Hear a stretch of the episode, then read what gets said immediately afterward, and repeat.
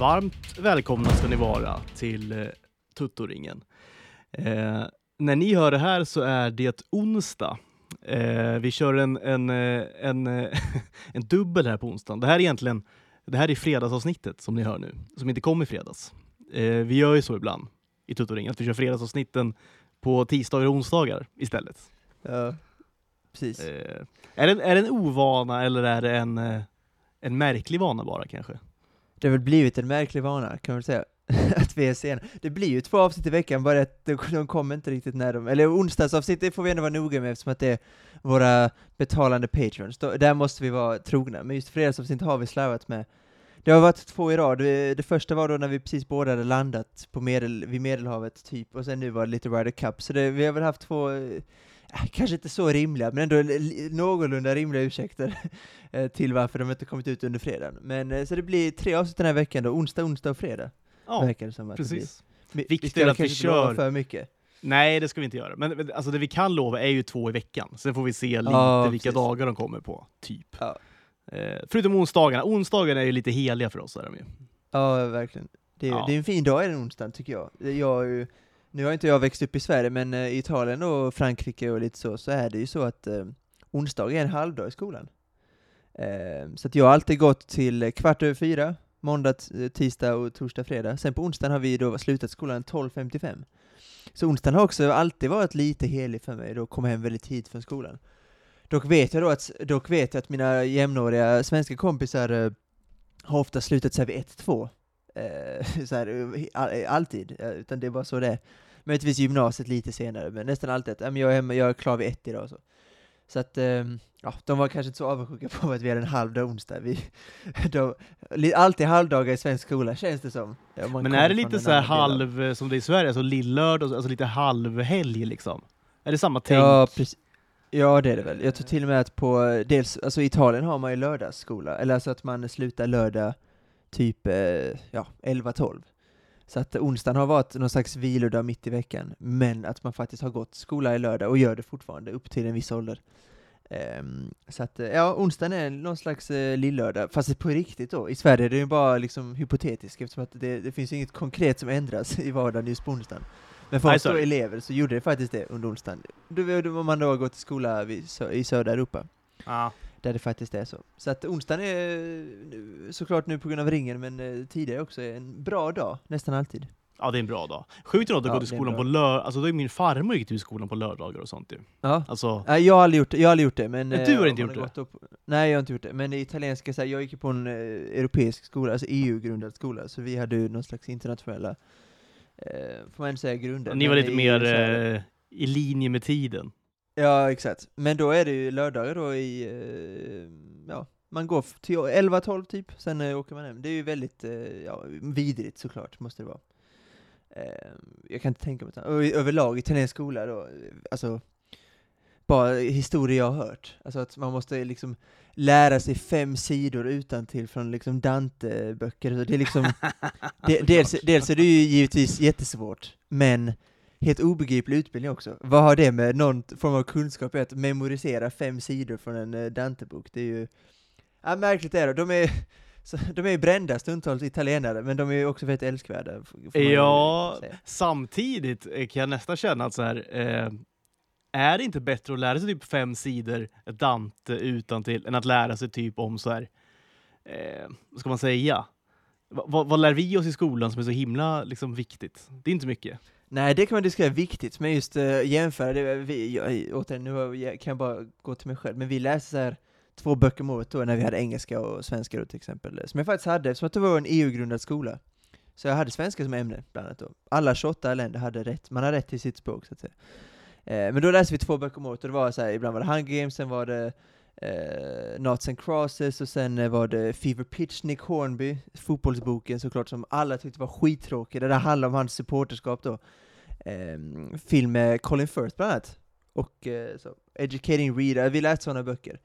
Så att jag vet inte, läsa en bok och sen analysera den under ett par månader tror jag väl ändå ger mer än att då memorisera fem sidor utan och innan. Alltså utan att prata om teman och sånt som ändå vi diskuterade när vi gick i skolan. Eh, så att, ah, det, det, det, är nog, det, det är liksom ingen utbildning som jag kanske tror så mycket på. Eh, men det är väldigt älskvärt och sjukt i huvudet eh, när man har hört sådana historier. Så att, ja, det, ja, det är sjukt egentligen. efter. Lära sig fem sidor. Jag är världens sämsta Jag, hyll, också. jag, kan, jag hyllar det gör jag. du gör det? Okej. Ja. Men det är annorlunda. Det, alltså, det är ju liksom verkligen motsatsen då till Montessori i Sverige, typ. Det är ju, Ja, verkligen. det är det, ja. Vad heter de här, de här där man ska vara ute hela tiden bara? De här förskolorna? Ur och skur Ja, heter de va? Ja, fy sat. Ja, Man- nej, lägg ner dem. Oavsett väder Lägg så ska vara ute hela Ja. tiden. Ja, men det, det, men det, alltså, min mormor också, min, min mormor är förskollärare. Och det, och påhitt det, ja men den mentaliteten finns ju i svenska, framförallt förskolor. Ja, det finns inga går ut- dåliga väder, bara dåliga Nej. kläder och så vidare. Så är det Och det, sk- skitsnack det, fin, det, det stämmer ju inte, det finns dåliga kläder men det finns också skitdåligt väder. Alltså det finns ju, så att det, men det, att det här, du ska gå ut och ta på de här jävla overallerna, Du stövlar. ska, ska vara ute och leka idag. Ja, det är helt sjukt. Ja. Alltså, jag i protest, jag äger inga stövlar, och nu har jag bott eh, i, sö alltså, i södra Europa hela mitt liv, så jag har liksom inte behövt stövlar på det sättet, men jag äger inga, stöv inga stövlar, jag har knappt en regnjacka, eh, absolut inga överdragsbyxor, det är liksom, kommer inte på tal, jag kommer aldrig köpa det, för det, det är så in, det är inrotat, det är inrotat i min liksom, ja, i min hjärna, att det, det vidriga som finns är den här mentaliteten som finns i svenska förskolor, att man ska gå ut i, i regn och skur liksom. Eh, och det, det finns inget som jag kan hålla med om mindre. Dock var det lite överstyrt på vår skola, så fort det regnade fick man typ inte gå ut. Jag bodde i Genève när jag var tio. Ja. Ehm, då fick vi inte ens gå ut. Så fort, så, så fort det regnade så fick man gå in, och så satte de på en stor film i en stor aula. Ehm, det är också sjukt såklart, då är, då är man ju lite mer svensk. För- då, då var jag det svenska som sa detta är ju löjligt, Ja. men ja. Det finns eh, någon värld däremellan säkert, som finns någonstans i Europa, som jag inte ännu, ännu inte har varit på. Förhoppningsvis, eh, förmodligen. Någon, eh, förhoppningsvis har någon varit på det. Slovakien mellanvägen, kanske. den, är ju ofta liksom totalt frånvarande. Det är ju liksom, det är ju bara ytterligheter överallt hela tiden. Det är ju, Ja, det är det. Jag, det är Sverige och Italien som är mina länder helt enkelt. Det, det är också två ytterligheter får man säga, åt olika håll. Så att någonstans i mittemellan hade det nog varit ett perfekt land. Eh, det, det landet finns ju förmodligen inte, så att eh, det kan vara tråkigt. Men båda, länderna är älsk, båda länderna är älskvärda på väldigt olika sätt. Och det finns också mycket att förakta med länderna på helt olika sätt också. När vi får tal om Italien, eh, det spelades Ryder Cup i helgen då, det var nog därför det var lite slarvigt. Vi var ja, Alltså, men vi vi var ju... upptagna, vi var väl båda lite i Ryder Cup-mode, kan- får man väl ändå säga. eh, Ja, det var vi. Det, det började ju tidigt, alltså redan vid halv åtta-tiden började det ju. Och sen höll det ju på Ja, till, precis.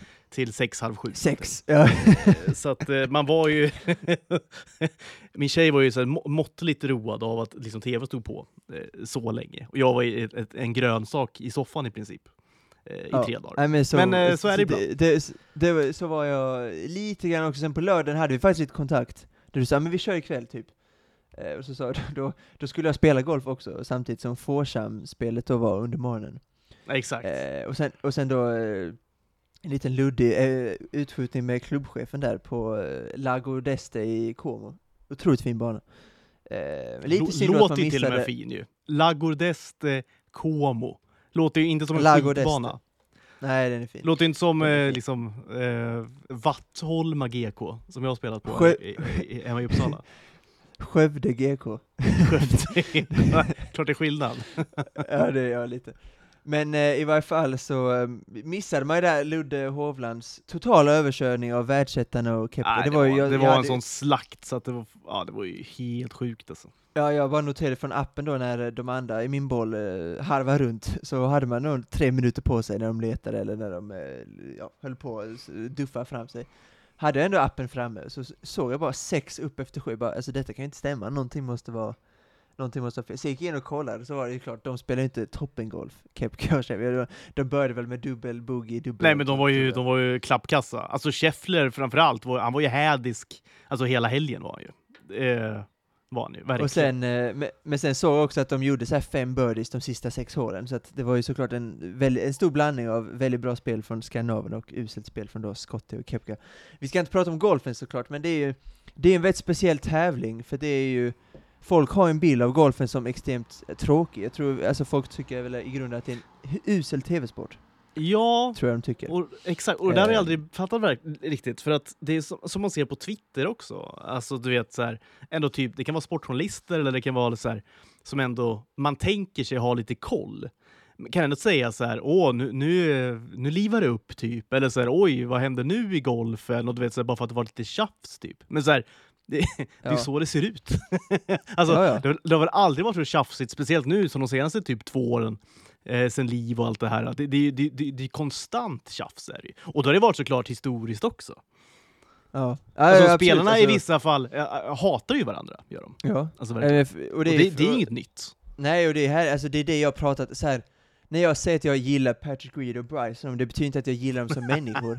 Men jag De- tycker det är... De är inte, du ser dem inte som förebilder i ditt liv? nej, kanske nej, det gör jag ju såklart inte, men min, och det är samma, med, det är samma inom tennisen och varit, fotbollen. hade varit, hade varit magstarkt. Alltså. min idol. Patrick Reed är min idol. Men på tal om, du vet i skolan, så här förskolan, alla ska ha med sig en idol. Någon säger så här Nelson Mandela, någon säger typ så här Magdalena Andersson säger första kvinnliga statsminister, sådana grejer typ. Så kommer jag upp. Ja, sådana namn var man ju aldrig nära själv, det var man ju inte. Nej men, nej men så här, lilla Malte, kommer Patrick Reed, svinig amerikansk golfspelare. Så här, nej såklart inte, men jag, när jag pratar om underhållning och idrott så då, då vill jag bli underhållen, och det blir man ju inte så här, Roger Federer är en fantastisk tennisspelare, och han- visade ju med sitt spel att det är underhållande Jo, jo. Men det är också världens tråkigaste människa. Ja men exakt, för mig Ja. då vill jag hellre se liksom svin, alltså Medvedev till exempel, ryssen som liksom hyschar US Open-publiken och jiddrar med dem och för mig är det liksom, och Nick Kyrgios för all del, alltså visst det är klart det är svin, men hur tråkig och reko får man vara på Twitter Man skriver och kolla vilket svin han är? Jo men han gör ju också tennisen så mycket mer ah, underhållande att kolla på. Jag konsumerar idrott och film för den del för att jag vill bli underhållen, det är därför jag kollar. Jag vill inte se liksom Uh, Jens Stoltenberg och liksom diplomater gå runt och spela tennis, det är inte därför man kollar, man kollar för man vill se perso personligheter. Det är, det, det är därför man kollar på idrott, och därför tycker jag att vet, typ Patrick Reed och Bryson och Kepka, det är ju oftast amerikaner, för de har ju det Nej, finns ju någonting i. USA, Det är ne- ska- nedärvt liksom, rövhatteri. Är det. Ja, exakt, och så här, det är klart att jag inte älskar det, men det gör jag när det kommer till idrott. Jag älskar det, och det är dels att det, det är så otroligt mycket, alltså det är väldigt annorlunda från hur vi är uppväxta i Europa liksom. Men det här totala så här Ricky Fowler och Sam Burns på invigningen, man ser dem komma med solglasögon, mallet liksom. Det här är något annat och jag älskar det. Det är liksom, det är motsatsen till Ludde Åberg och eh, liksom Viktor Hovland, så här, skandinaver, de säger rätt saker, de är härliga liksom så. Men Kepka då kom in, totalt, bryr sig inte överhuvudtaget om någonting. Förutom För det typ, första kommer han ju hans ett familj. eget plan, alltså flög ju inte ens med resten av laget. Han tog ju eget himla plan. och så här, pa Patrick Cantley, han struntar i lagmiddagen. Ett par spelare, spelade, ett par spelare följde inte med på den här scouting-trippen de hade för några veckor sedan, eller några veckor sedan. Exakt. Sam han Burns och, kommer med sin han och mallet. Schoffel by, byter om med en egen liten skrubb också för att slippa Exakt. de andra Exakt. spelarna. Och folk då, re, alltså såhär, s- svensk golf då, jag följer ju många svenska golfpersonligheter, alltså så, som jobbar inom svensk golf och sådana grejer. Su- Supertråkiga människor såklart, och tycker allting som har med USA att göra är vidrigt, för de verkar vara så här, trista människor. Visst, det är klart de verkar vara det, men det är fortfarande idrott vi håller på med. Jag tycker det är superunderhållande, därför älskar jag Cantley. Jag älskar Schaffer, jag älskar de här svinen, jag tycker det är hur härligt, och det gör ju hela helgen, tänk hur tråkigt det hade varit om det hade varit liksom 24 trevliga killar ute och spelat. Alltså hur tråkigt hade inte World Cup varit då? Det hade såklart varit lite roligt för publiken och så, jag, jag gidrar lite. Men tänk utan de här svinen. Eh, Ja, men det livar ju verkligen upp. Och, Ja, exakt. Och, och det bidrar, bidrar ju till en ruskig stämning verkar det ju som alltså. På plats där. Det var ju så mycket mind games och psykningar och mycket trash talk alltså. Både Ja, från eh, liksom, publiken och, och spelarna också. Det var ju det var, det var nästan som ett krig emellanåt liksom. Och det är klart det är Verkligen. kul att kolla på. Ja, exakt. Det så jag vill bara ändå förtälja lite vad jag menar med just att varför jag älskar svin inom idrott, och det är just därför. Det blir mer underhållande och det blir mer Jo, jo. det tror jag att, och det, det har liksom något slags bekräftats under den här helgen också, angående då Patrick Cantley, det var någon slags kepsgate, och sen Justin Thomas fortsätter med det under söndagen, att eh, liksom, mot fansen eh, liksom låtsas som att han tar av sig en keps som han inte har på sig, han spelar utan keps. Man älskar, man, äl, man älskar det, för det händer ju aldrig med europeer i USA, det händer ju aldrig, utan de, de beter sig ändå liksom. Tänk Henrik Stenson, han skulle aldrig liksom jiddra mot någon publik, utan det, han gör inte så, för han är liksom en trevlig, vettig människa. Och det är ju tråkigt såklart. Eh, Så här, det är ju klart att han, det går bättre för honom i livet, så att säga, på grund av att han är lite så här trevligare, än vad det gör för Patrick Reed. Han är lite tuffare med sponsorer och sånt, kan man väl kan man ju Ja, liksom så är det. Så är det. Men det gör ju Ryder Cup lite tråkigare, därför saknade man Reed den här veckan, man saknade Bryson, och lite också Dustin Johnson och Tiger och alla de här, Phil, alltså man saknar lite dem. Det är lite för många good guys i USA nu. Trodde jag innan veckan. Men det visade sig att det kom fram nya Det bad guys, att säga, med exakt. shuffle och, det och det älskar jag ju. Ja, det var, det var det som var så himla roligt, för att det var verkligen som du säger, det var ett ganska, alltså så här, det finns ju vissa som man, som man, som man såklart avskyr. Alltså eh, Cupcake, eh, såklart Cantley och, och, och de här. Jo men, är, är men det kul att, att han kallas Cupcake ändå? Ja, det, ja det är kul, men här, man älskar också att hata dem, det är viktigt, man älskar att man, Ja, Cantley verkar vara världens men man älskar att hata Cantley, därför älskar jag Jo, men Cantley, när, du- jag, när för du säger hatar till exempel att, att, att Brooks Kepke eller så här Cantley är älskvärda, då menar Ja. du ju att, att, att eh, alltså, du älskar att hata dem såklart. Exakt, de är väldigt, de är väldigt älskvärt, de är väldigt älskvärt, eh, vad ska man säga, älskvärt sviniga, kan man väl säga. Kepka bryr sig, när Kepka går runt på en golfbana, han, alltså, man ser verkligen hur lite han bryr sig om någonting. Han bryr sig bara om sin Nej. familj, typ på Florida, och liksom, Han bryr sig om Solo pengar, det är det enda han bryr sig om. bryr- ja. Alltså, så här, det, det är inget annat tror jag han bryr sig om. pengar och sin familj, men så fort han kommer till en golfbana, han, det är hans jobb liksom. Han, alltså, han bryr sig inte om Ja. Scottie Scheffler, liksom, han bryr sig om ingenting. Och det älskar man hur lite han bryr sig. Ja, ja, ja. Och Ricky, Fow Ricky Fowler också, sin, han går runt med sina solglasögon och på lördag eftermiddag när de gick med den här sista bollen då när Cantley.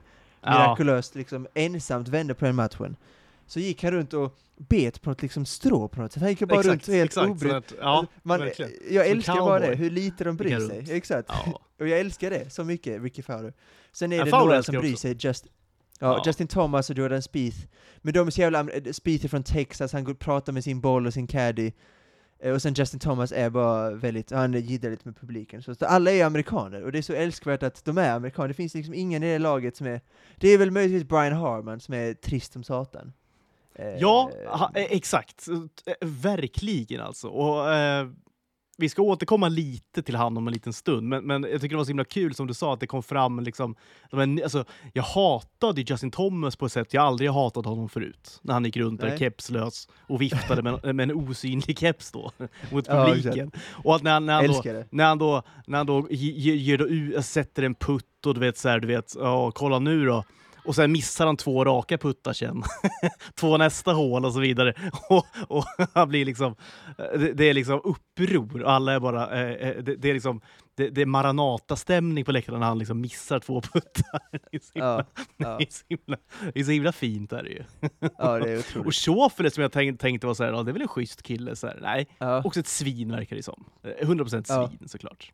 Verkligen. Verkligen. Men och innan vi går in på då eh, det som du ska prata om, Brian Harman och psykfall, kanske framförallt. Det är Alltså. många psykfall i det laget, jämfört med det europeiska laget där det finns noll psykfall, skulle jag ändå vilja påstå. Möjligtvis Ram har ett litet psykfall i sig. Ehm, Ja. så jobb, jobbigt på banan så.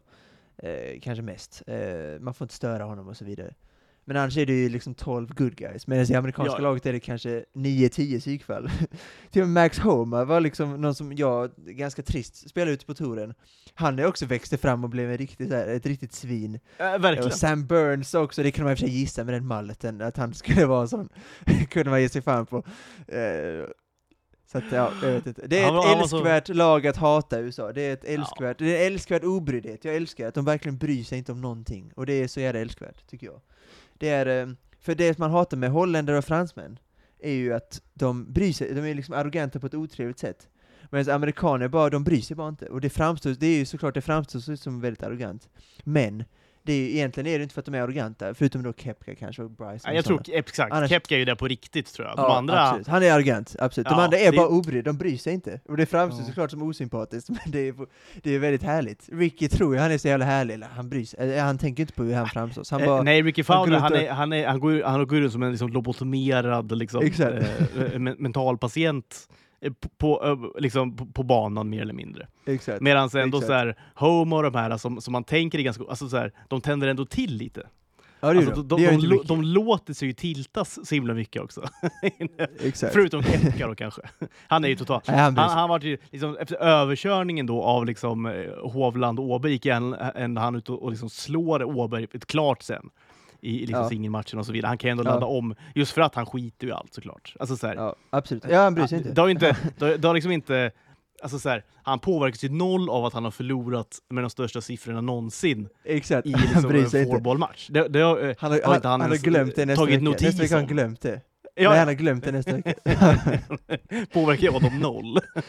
När han är ute på sin jetski med sina barn, då har han liksom helt glömt den eh, Ja, ja. fullständigt haveri. Medan Scheffler som grät efter matchen. Eh, Exakt. eh, stundtals. Exakt. Eh, han, har- han kommer såklart tänka på det resten av sitt liv, förmodligen. Åtminstone resten av sin karriär. Medan Kepka då såklart har totalt, totalt glömt bort det och eh, bryr sig inte. Så att, och vi ska också säga det om Ludde, att det är jag har sagt det ett par gånger innan, det är ju en av, det, han kommer bli, inom tre år, han är kanske redan det nu. Inom tre år så är liksom Duplantis och Zlatan, de är liksom av tronen. Han är liksom, kommer vara Sveriges bästa, ja, manliga idrott i varje fall, kommer han vara. De Ja, han, han, 15 han kan ju 100%. liksom så här, kanske låter som lite hyperbol, men alltså han, han är ju förmodligen världsetta snart. Alltså du vet så här, Ja, absolut. d- d- d- Absolut. Som man pratar om Ludde Åberg har man aldrig pratat om en svensk golfspelare, alltså någonsin. Alltså de här konstanta jämförelserna med, med Tiger Woods, att han liksom är, är så, han, han är liksom den mest liksom, tourförberedda liksom, som har gått från, från liksom college och från amatör till, till PGA-touren. Han är liksom den mest förberedda någonsin i princip. Alltså han är så himla redo att bara ta sig an den här golfvärlden med hull och hår. Och je- Det, och det har man ju aldrig hört rookies. förr alltså. Nej men jämför med alla andra rookies som var där, McIntyre och Straka och Höjgaard, alltså hur de, framförallt Höjgaard och Straka, hur jävla mycket de skett på sig stundtals. Höjgaard under var ju bedrövlig att se alltså. Usch vilken... Ja, och, De- och, dels, även, och även nu, dels eh, alltså, eh, färglös människa måste jag säga. Väldigt trots att, trist. han, trots att han är dansk. Ja, trots fast att han är dansk. Det, det, Ja, är- det är ja. såklart ett, otroligt underbetyg till Höjgaard som person.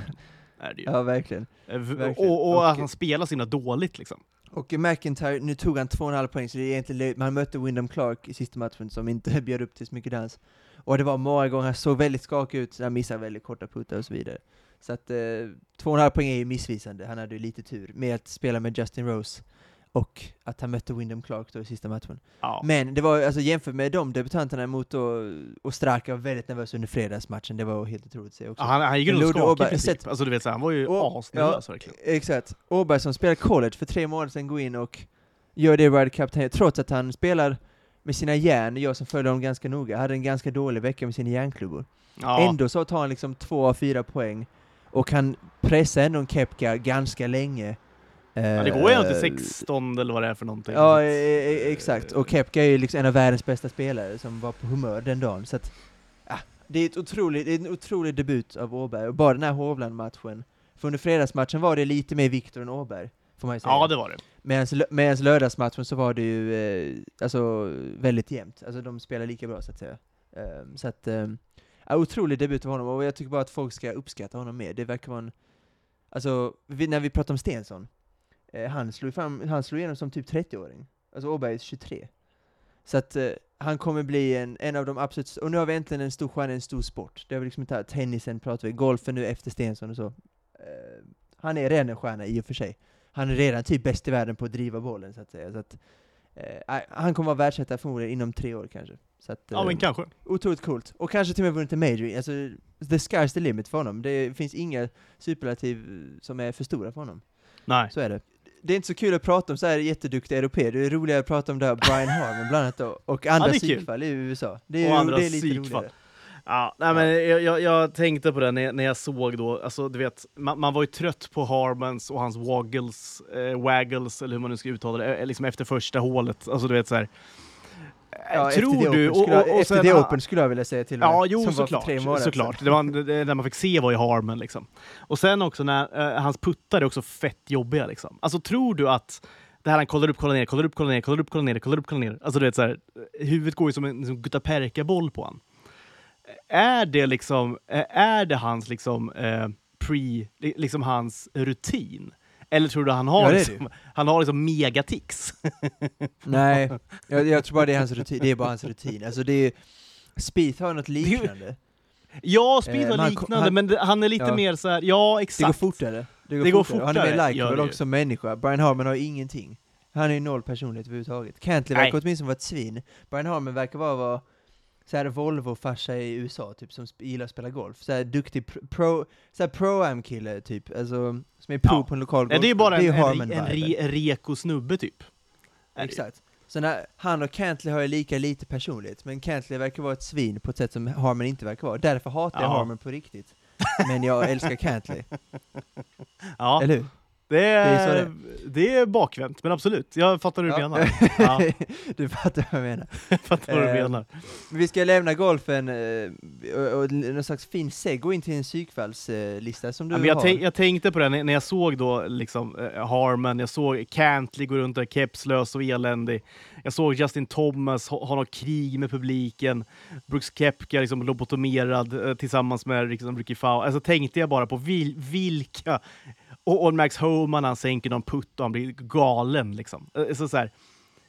Ja, men jag, jag, jag, vilka psykfall de här människorna är alltså, tänkte jag. Och då tänkte jag att jag, jag skrev ihop bara en snabb, det är inte en topplista eller så, men jag kom bara att tänka på så här. Jag ska nämna bara eh, fem stycken liksom, psykfallsfilmer för dig. Och så kan du bara reagera Ja. på dem. Alltså så här, Ja. för när man tänker efter, eh, det finns alltså många bra filmer som, som involverar psykfall av olika grad. Är det ju. Alltså, Ja, abs- absolut. Väldigt många finns det. Jag tog bara en, en top of mind-lista lite grann så du kan få reagera Ja. på Gör det. vad, vad du tycker Innan- innan-. Ja. Exakt, innan du, exakt innan du gör det, ska vi, ska vi skänka en tanke till Shane Lowry och förmodligen en bakfylla som inte har gått över ännu. Nej, det har, det har, han är förmodligen liksom full fortfarande. Alltså du vet såhär, eh, förmodligen. Ryktet, ryktet säger att han eh, hade en liten stark, en liten rackare i sin bag på 18 när han hade avgjort, de hade avgjort på 17 Det kan jag- och han slog, han slog typ out på 18 nästan, han var ute i Exakt. publiken i alla fall. Det kan, Men det sket han ju fullständigt i. det kan jag verkligen tänka mig att han hade. Det känns, det känns ju eh, helt omöjligt att han inte hade det. Gör det. Det, det gör det faktiskt. Eh, Otroligt älskvärd eh, såklart Shane Lowry, att han är från Irland och så vidare. Fint Och att fick han inte spela upp sig vältränad. lite på slutet också, spotta upp sig lite grann. Han, han hade ju ingen bra söndag. Men det var så himla fint när han, alltså han och Rory vart ju, jag vet inte, han fick någon himla alter ego tror jag, på den där bussen efteråt alltså. Han och Ja, Lowry körde ju, alltså det var, det var När de klipper till, när de kör den här left, alltså. när de kör den här left side of the bus, right side of the bus, de klipper till Lowry sen och han har knappt någon röst kvar. Det är Nej, det nej. bästa jag sett tror jag. Det är det bästa jag sett. Nej, men det är sånt. Det är så. Men de, de firar nog fortfarande kanske. Jag tror inte de har slutat fira än. Uh, jag tror Åberg såklart, så proffsig ung, det är lite trist såklart, men proffsig ung som han är ska han ju typ spela tävling nu på torsdag på han, är väl, Förmodligen. han var väl Det, det kommer inte Lauri göra i känslan. det kommer inte aldrig, det kommer han absolut inte göra. Och en, och en annan grej innan, Viktor Hovland. Det är någonting jag avskyr med att jag gillar norrman så jävla mycket, men det är så svårt att inte tycka om honom. Det, det går inte. Jag kan inte inte göra det, och då är Jag jag... vet, men det är också så här, är det inte Frakt- så här... Nu kanske jag är liksom Alltså- överdrivet cynisk och liksom sådär, eh, men, men är, det, är han inte också väldigt beräknande i allt han gör? Till exempel, Det, det, när, när det är den här Ja. parmiddagen, han, han kommer dit med, han är ju singel då, och han Ja. går där i arm, alltså, han går ju hand, hand i hand då med eh, Ola Sabal. Eh, exakt, exakt. Och de gör till en grej, de ska göra en kyssbild och de står då och bara ler hand i hand. Nej, jag, jag och, och, och, du vet så här, och, och, sen ska de göra någon bild efteråt, han med alla andras fruar då, pokalen ja. och så här.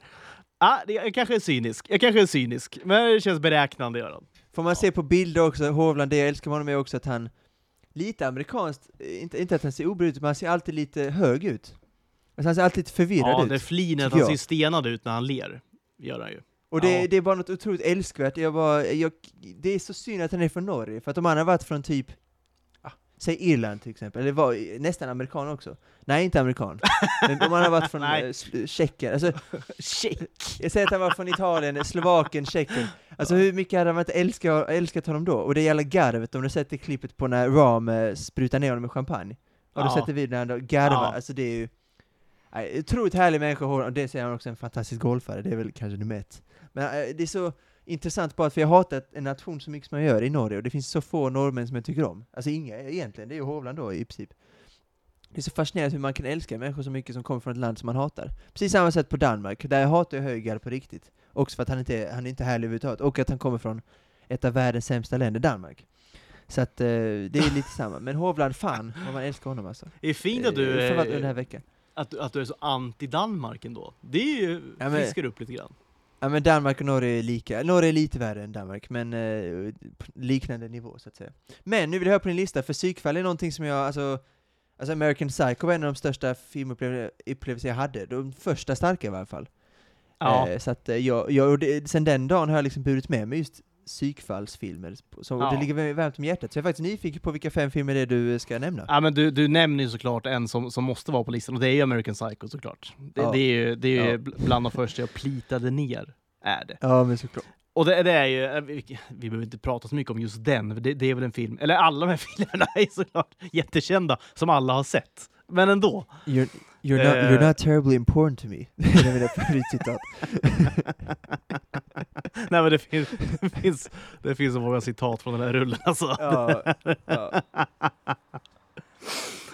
Ja, alltså Christian Bale må, måste ju vara, nu, nu är han ju ung där, men alltså det måste vara den skådisen som liksom har, har viktpendlat liksom mest i sin karriär förmodligen. Alltså, Absolut. Och eh, vilken risk. alltså. Alltså, och så, det är en sån otroligt, det är en sån svart komedi som är så...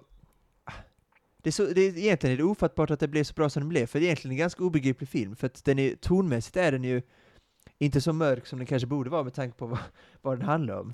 Men det är ju liksom, det är en komedi, jag, jag ser det som en komedi, en riktig så dark comedy. Ja men det är nog svart Eh, komedi ja, lite mer. ja. Och det är en genre som inte är så vanlig, framförallt idag, men eh, det, är, det är därför filmen är så unik, för att det finns ingenting som ens man kan jämföra med den. De här, eller så, de här, när de sitter runt det här bordet bara, de pratar om tjejer då, och per, be, liksom personality, och så plötsligt säger right, hypothetically, let's say they do have a personality. Sen, så här, sekund, sekunders tystnad, och så börjar de garva sönder allihopa. Hypothetically. så, det, är Ja. så himla, det är så himla dåliga människor. Och såklart Ja, vi- visitkoksscenen vidare är såklart också äckligt. Ja, liksom. såklart. Det är det liksom. Absolut. Ja, det, det, den, är, den har många lager den här filmen. Eh, Som, verkligen. som gör den så himla rolig alltså. Hej Paul! Så bara klipper de till det jävla. Nej, det är sjukt. Och det, jag har aldrig varit mer chockad när han öppnade då den här eh, kylskåpet. Spoiler alert visst, men det var 23 år sedan filmen kom ut. Så att, alltså jag, någon slags, någon måtta får det vara kan jag tycka överlag när det kommer till spoilers och för gamla filmer. I varje fall när han öppnar den här kylskåpsdörren och så ser man då ett huvud, människohuvud, inne där. Jag har aldrig Ja. varit så förvånad någonsin över en sån tagning. Eh, Det var, jag fick nästan, jag fick spåra tillbaka för att se, är det verkligen ett huvud där inne? Det var kanske Ja, 15 eller så första gången, jag har liksom inte sett något liknande, det var liksom en sån otrolig dörröppnare för mig. Så att, eh, ja men American Psycho ligger mig så otroligt varmt om hjärtat. En Kan man göra så liksom- här i film? Ja exakt. Men lite så var det ju. Då hade man ju liksom Ja, ja. sett, då var ju liksom, det var ju Marvel, det var ju så jag framförallt blev intresserad av film var början av Marvel. Det är långt från Marvel, eh, American Psycho, det får man säga. Exakt, men det var så jag började när jag var 14-15 och såg Robert Downey Jr. i andra grejer och sen eh, Chris Evans, man liksom såg de här skådespelarna, så tittade man på andra grejer med dem. Christian Bale framförallt också. Som Batman då, det var ju därför jag såg American Psycho, American Hustle och sånt i början, eftersom att Christian Bale var med i dem. Ehm, så att, ja American Psycho, vad är det för otrolig film? Alltså det, är- det är Ja. galet, unik! Den är man kan se om unik. det hur många gånger som helst. Man kan nog hitta nya saker i den tror jag ganska ofta. Vi går vidare till... Eh, eh, ah, vi, vi får bara nämna såklart, eh, man, man kan ju inte ha en liksom, psykfallslista utan Jack Nicholson, är vi känslan. Nej, Och då är det ju nej. såklart Jökboet vi pratar om. Eh, Mm. Den här klassikern som... Eh, har du någon relation till den eller? Alltså fan, nu börjar min dåliga trend igen. Det fortsätter. Jag hoppades att det skulle undvikas, men jag, jag, jag har inte sett One Flew Over the Cuckoo's Nest ännu. Nej. Den finns dock på svenska Prime Video och HBO Max, så jag, jag har liksom inga ursäkter längre. För det är nog den kändaste film jag har sett, nej som jag inte har sett, tror jag. Ja, det kan det nog vara alltså. Så Den att, eh, tänkte jag ändå, fan. var, det var lite så touch and go tänkte jag. Du har liten, eh, liksom li, liten, vad säger man? En liten blind, liksom blind spot när det kommer till lite äldre filmer, så här, 70-tal och så vidare. Ja, och det är lite märkligt, för framförallt 70-talet är en, ett, ett årtionde som är helt otroligt. Eh, med Kubrick såklart och Scorsese och Ja. Alltså den här, den här Polanski, de här 70-talet, det var liksom någon slags gyllene tio år där som startade så mycket. Med ny, ny film, så att säga, Taxi Driver och sånt, som verkligen var helt, det kom från ingenstans kan man säga. Eh, så att nej, Cuckoo's Nest är nog en det är nog den kändaste film jag inte har sett. Det, är ja. lite, det, den, den, den och typ Casablanca. Eh, så Ja. att, ehm, Där har du en, där har du en filmkväll framför dig alltså. ja men det är så många avsnitt i rad nu, jag känner att det är för många.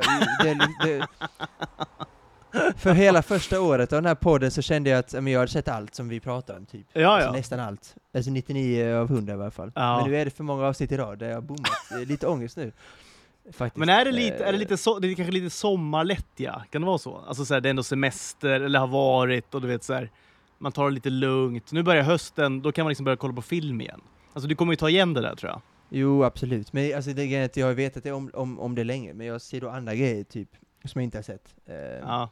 Death Proof till exempel, Tarantinos, eh, den enda jag inte har sett av honom till exempel, så det finns mycket.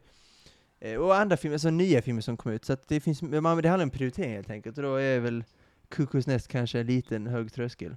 Och sen är det så här, jag har den här grejen att säga att David Fincher släpper en film, vilket han ska göra, då ser jag om hans filmer. Och Cuckoo's Nest och Milos Forman, som inte är aktuell idag. Jag får Nej. aldrig liksom någon anledning, jag får aldrig någon konkret anledning till att se den till exempel. Till exempel nu med Scorsese, Gangs of New York såg jag till exempel, eh, Cape Fear, alla de här, eftersom att Scorsese är fortfarande aktuell. Därför liksom tickar jag av de här alltid.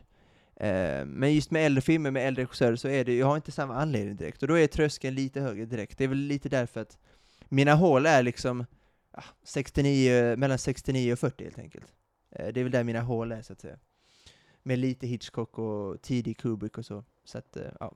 Men det är såklart en fantastisk film, det kommer det vara, och jag ser fram emot den också eftersom att Jack Nicholson då, och sägs vara en väldigt bra insats från en biroll, då en kvinnlig biroll som verkar vara en vid, sån typ av bov, eller villain, eller antagonist, eller vad man nu ska säga, som man hatar verkligen. Inte Så någon som du- mördar någon, du utan bara en vidrig människa. ja, förmodligen. Exakt. Id- min idol. ja. Men din idol? Jo, det är hon från, från Jökboet. Exakt. En red flag deluxe, om någon säger så. Jag är en vandrare, ja exakt, jag är en vandrande red flag. Patrick Reed och hon från Jökboet, det är mina två husgudar. Verkligen. En tjej, en tjej kom hem till mig, hon ser bara två stora tavlor på Patrick Reed, en hyschande Patrick Reed såklart. Exakt. Hyschandes mot den europeiska publiken, och sen då en, en stillbild då från den här, um, vad ska man säga att hon jobbar, uh, vad är hon, vad, vad, vad är hennes officiella titel? Någon slags läkare, eller vad, vad är hon? Ja, hon är, ja men någon sk- sköterska eller något. Ja, Jobbar på det sköterska, här, exakt. Ja, en bild på henne också då, bredvid Patrick, Ja. bredvid Patrick Reed då såklart. Exakt. en hyschande Patrick Reed. Då har Och byggts en- ett litet altare under de här två Exakt. bilderna. Och inne på, in, och inne på, varje morgon. inne på, inne på badrummet är det också en uh, kepslös Patrick Cantley. Såklart. ja, Ja. ja. Fina, min, min fina hyp- hypotetiska lägenhet, får man säga. Alltså verkligen. finns. Ja. Kan, kan bli verklighet någon gång. Ja, ja, ja. Reed kanske, en hyschande Reed, det är jag väl inte helt främmande för. Nej. Nej. Eh, en film vi i alla fall har sett, och säkert sett eh, många gånger, är ju eh, Shutter Island. Ja, den, den var också tidig, och nu hoppas jag, eh, jag kan väl inte tänka mig att det är en spoiler va? Det, folk har väl sett den filmen nu, det måste man väl ha gjort? Ja, ja, ja. ja återigen, 10 13 år sedan, Leo, Ruffalo, Scorsese, det finns inga ursäkter. Och om Nej, du inte nej. har sett den, så får du hålla för den nu Ja. i fem sekunder. Får, Typ. Ja, kan, eller så får man bara lyssna och skylla sig själv. Nej men den, den, den eh, var tidig på min lista och jag vet att eh, det, det är ju en otrolig film, alltså så här i sig själv. Och jag minns när vi gjorde våran thrillerlista för ett tag sedan, fick ju lite reaktioner på den då, till exempel att Shutter Att Island inte inte var var med. med. Ja. Eh, och det, det Ja, men- såklart, Ja, borde ju få en honorable mention åtminstone. ja. Eh, borde Jag den verkligen köpa för den är ju, ja den, den, är, den, är, den är väldigt bra alltså. Den är För, väldigt mig, bra. för, mig är för mig är den kanske inte riktigt tillräckligt mörk för att ta med det på en sån lista. Om du fattar vad jag menar med mörk. Ja, jag fattar. Alltså, ja, den, är liksom inte, den är liksom inte Zodiac-mörk, liksom. Den är, Nej. den är mer liksom fascinerande och det är filmskapande och så vidare. Så att, eh, och jättebra skådisinsatser såklart, framförallt av DiCaprio. Ehm, men, eh, ja, nej det var faktiskt inte så nära min lista, men det är en fantastisk film. Dock är det väl lite tveksamt kanske hur ofta man vill se om den. Det är väl någon slags minus med den. Nej, men det är ju det Eh. med filmer som har den här typen av twist. Vi kommer komma in på en till Eh, film, sån eh, film eh, fi, eh, efter den här. Men det är ju det att det är så här, det här överensmomentet som är så himla crucial för den här, för, för den här typen av filmer. Ja, det, det, det, eh, så M. Night Shyamalan till exempel har ju också det problemet att det, det, är, Mm. så här, det är inte lätt att se hans filmer flera gånger för att Nej, man, man, Nej, man, mycket går förlorat liksom, efter första gången. Och det här är också en sån film, såklart. Liksom.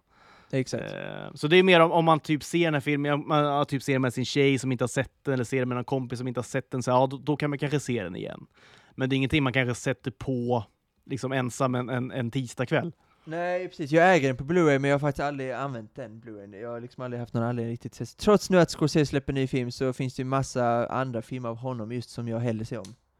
Eh, och även nu när jag sett så här Gangs of New York, den ser jag nog hellre om nästan, än, eh, än Shadow Island. Dock, alltså, jag kommer nog se den en gång, jag har bara sett den en gång, men den, som sagt, den lever så starkt kvar. Det är ju en styrka såklart, att eh, en gång, eh, att det är en upplevelse när man ser den en gång, men det vi har pratat om det, Nolan och Oppenheimer nu, att det finns någonting med filmskapare som gör filmer som man konstant vill se om, och hitta nya grejer. Det är någonting som jag älskar i just det, typen av filmskapandet. Och det är, Scorsese är ju ofta där i och för sig, det, han har ju sagt själv nyligen också att att de vill göra något, något slags universum då av Shadow Island, åtminstone uppföljare. The Warner Brothers, och det var det sista gången han ville jobba med en studio, sa han. Så att han är, Shadow Island är nog en av de filmer han mest, själv i alla fall, är mest missnöjd med, tror jag. Kanske det. ja. Eh, så att, eh, och det är också nog en av de filmer som minst Scorsese.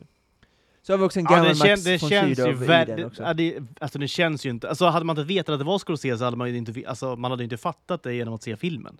På något sätt. Nej, jag tror, nej, jag tror faktiskt inte alls det. Så att, eh, men såklart, bra att du nämner den ändå, för vi, jag noterar också den kommentaren att han eh, Ja. tog upp den. Och det är rimligt ändå, det är såklart en mindfuck utan dess like. Jag såg inte det komma själv i alla fall. Nej, nej, gjorde nej, nej. faktiskt inte. Nej, inte jag heller. Eh, så Det att, eh, är nej, en ruskigt twist så att- faktiskt. verk, verkligen. Så det är jättebra Eh, första gångs film. Se om den håller ja. upp, se om den liksom är lika bra andra gången. Lite nyfiken faktiskt, kanske man ska Ja, kanske skulle ge ett försök. Ja. Ja, Och kanske. hur länge sedan man såg den, så är det ju. Verkligen. Jag såg den under pandemin faktiskt. Eh, där jag, på tal om den här ticka av boxar, film jag inte sett, gjorde jag Ja. väldigt mycket under lockdown i Italien. Såg typ fyra filmer om dagen och kunde bocka av alla de här eh, skämskudde-grejerna. Nu är det liksom bara gamla filmer typ jag inte har sett. Eh, så, eh, så att, eh, väldigt, pandemin var väldigt bra för mig på det sättet. Att jag, Var inte mycket ärenden som väldigt gjordes, eh, som gjordes de, det året? nej, om, jag, om jag ska vara helt ärlig så gör jag nästan inte, eller nästan lika mycket, lika få ärenden nu som jag gjorde då. Nästan. Eh, inte riktigt kanske, men nästan. Så att, eh, ja. I Ja. varje fall. Men du hade nummer fem? Eller? Ja, nu är det nummer fyra. Och det här är en film som, som eh, jag i och för sig var ung när jag såg första gången, men, men på samma sätt så var det en, en mindfuck utan dess like. Och vi pratar då, inte den hädangångna, men den liksom till sinnet eh, verkar det som liksom försvunna, tragiskt nog, Bruce Willis. Eh, verkar ju vara totalt väck helt enkelt. Och det är ju extremt trist. Eh, men vi Ja, pratar ja, då eh, Six Sense. Gör vi. Ja. Eh, är, är, Shyamalan är det en psykfalmsfilm tänker du? Det är lite kantboll, men det, det är den väl ändå? Ja, det skulle man väl ändå kunna påstå. eh, Ser man jag- döda människor är man väl ett psykfall? Är det inte, det må, så Ja, det jo det är väl någon slags grund får man säga. Absolut. Absolut. Ja, eh, okej. Absolut. Det, det är solklart att det är en psykfallsfilm helt enkelt. Jag, jag har faktiskt en speciell koppling till Sixth Sense. Det är en film som eh, jag inte tycker, för den anses väl ändå av de flesta att det är M. Night Shyamalans bästa film. Jag skulle nästan ändå, jag tror inte ens jag har den på en pote- hypotetisk topp tre. Nej, det har inte jag, det har inte jag heller Eh, faktiskt. Det har inte jag Nej, heller. jag har nog, alltså jag har nog både Signs, ehm, eh, du har ju såklart The Village också. Jag äl- älskar, det, på tal om twist och så vidare. älskar The Village. ja, det är klart jag gör. Det är klart jag gör. Det är också, den är superhärlig, för på tal om Ja. höstfilm då, fantastisk Ja, höstfilm. såklart. verkligen alltså. Verkligen. Eh, men vi har Signs då, vi har Unbreakable som jag tycker är hans bästa. Unbreakable och, är eh, faktiskt- otrolig faktiskt. Ja, verkligen. Men också faktiskt, faktiskt eh, nyare film som kom ut 2016, Split. Väldigt, Mm, väldigt bra mm, thriller. mm. Ruskigt bra. Just det. Eh, också. Så att, äh, Sixth Sense, det är någonting med den som, eh, det är ju klart att det, det är ju twisten såklart som gjorde den så unik. Och det är därför den har blivit så, ja, vad ska man säga, omsnackad. Eller den har fått en speciell, den har fått en speciell plats i liksom den kulturella filmvärlden, får man Ja, säga. men Folk det är på grund av- Sixth Sense på ett helt annat sätt än Unbreakable till exempel, eller Signs. Ja. Ehm, det var också hans det första det- film, så det är kanske inte så konstigt. Nej, i och för sig. Men jag, exakt, och det blev ju ett, ett, ett otroligt genombrott. Men jag tror också att så här, utan den twisten är den ganska liksom... inte Habil film, okej. film. Ja, den är okej, men inte jättemycket mer tror jag. Är det ju inte. Nej, det tror inte jag heller. Nej. Eh, lite Sverige kyrkan kanske, men eh, så är det. Eh, Just när det kommer till M. Night Shyamalan tycker jag han har gjort bättre filmer än just The Sixth Sense. Split, är det liksom, skulle det komma på din psykfall? Är det lite psykfall i den filmen? Eller? Ja, men det, ja, det är nog absolut högt upp, eh, Ja. verkligen. Alltså, då, alltså det här personality, det här tar, han var om det är 23 typ, Ja, eller exakt. 21, olika perso personligheter man har. Ja. Eller karaktärer han då röstar. Ja. Det är ju faktiskt ett helt unikt, på tal om så här, unik Hollywood och så. Det är faktiskt en grej jag aldrig sett innan i film, alltså just en eh, som brottas med det. framförallt inte 23 olika, och framförallt inte när det blir liksom våldsamt.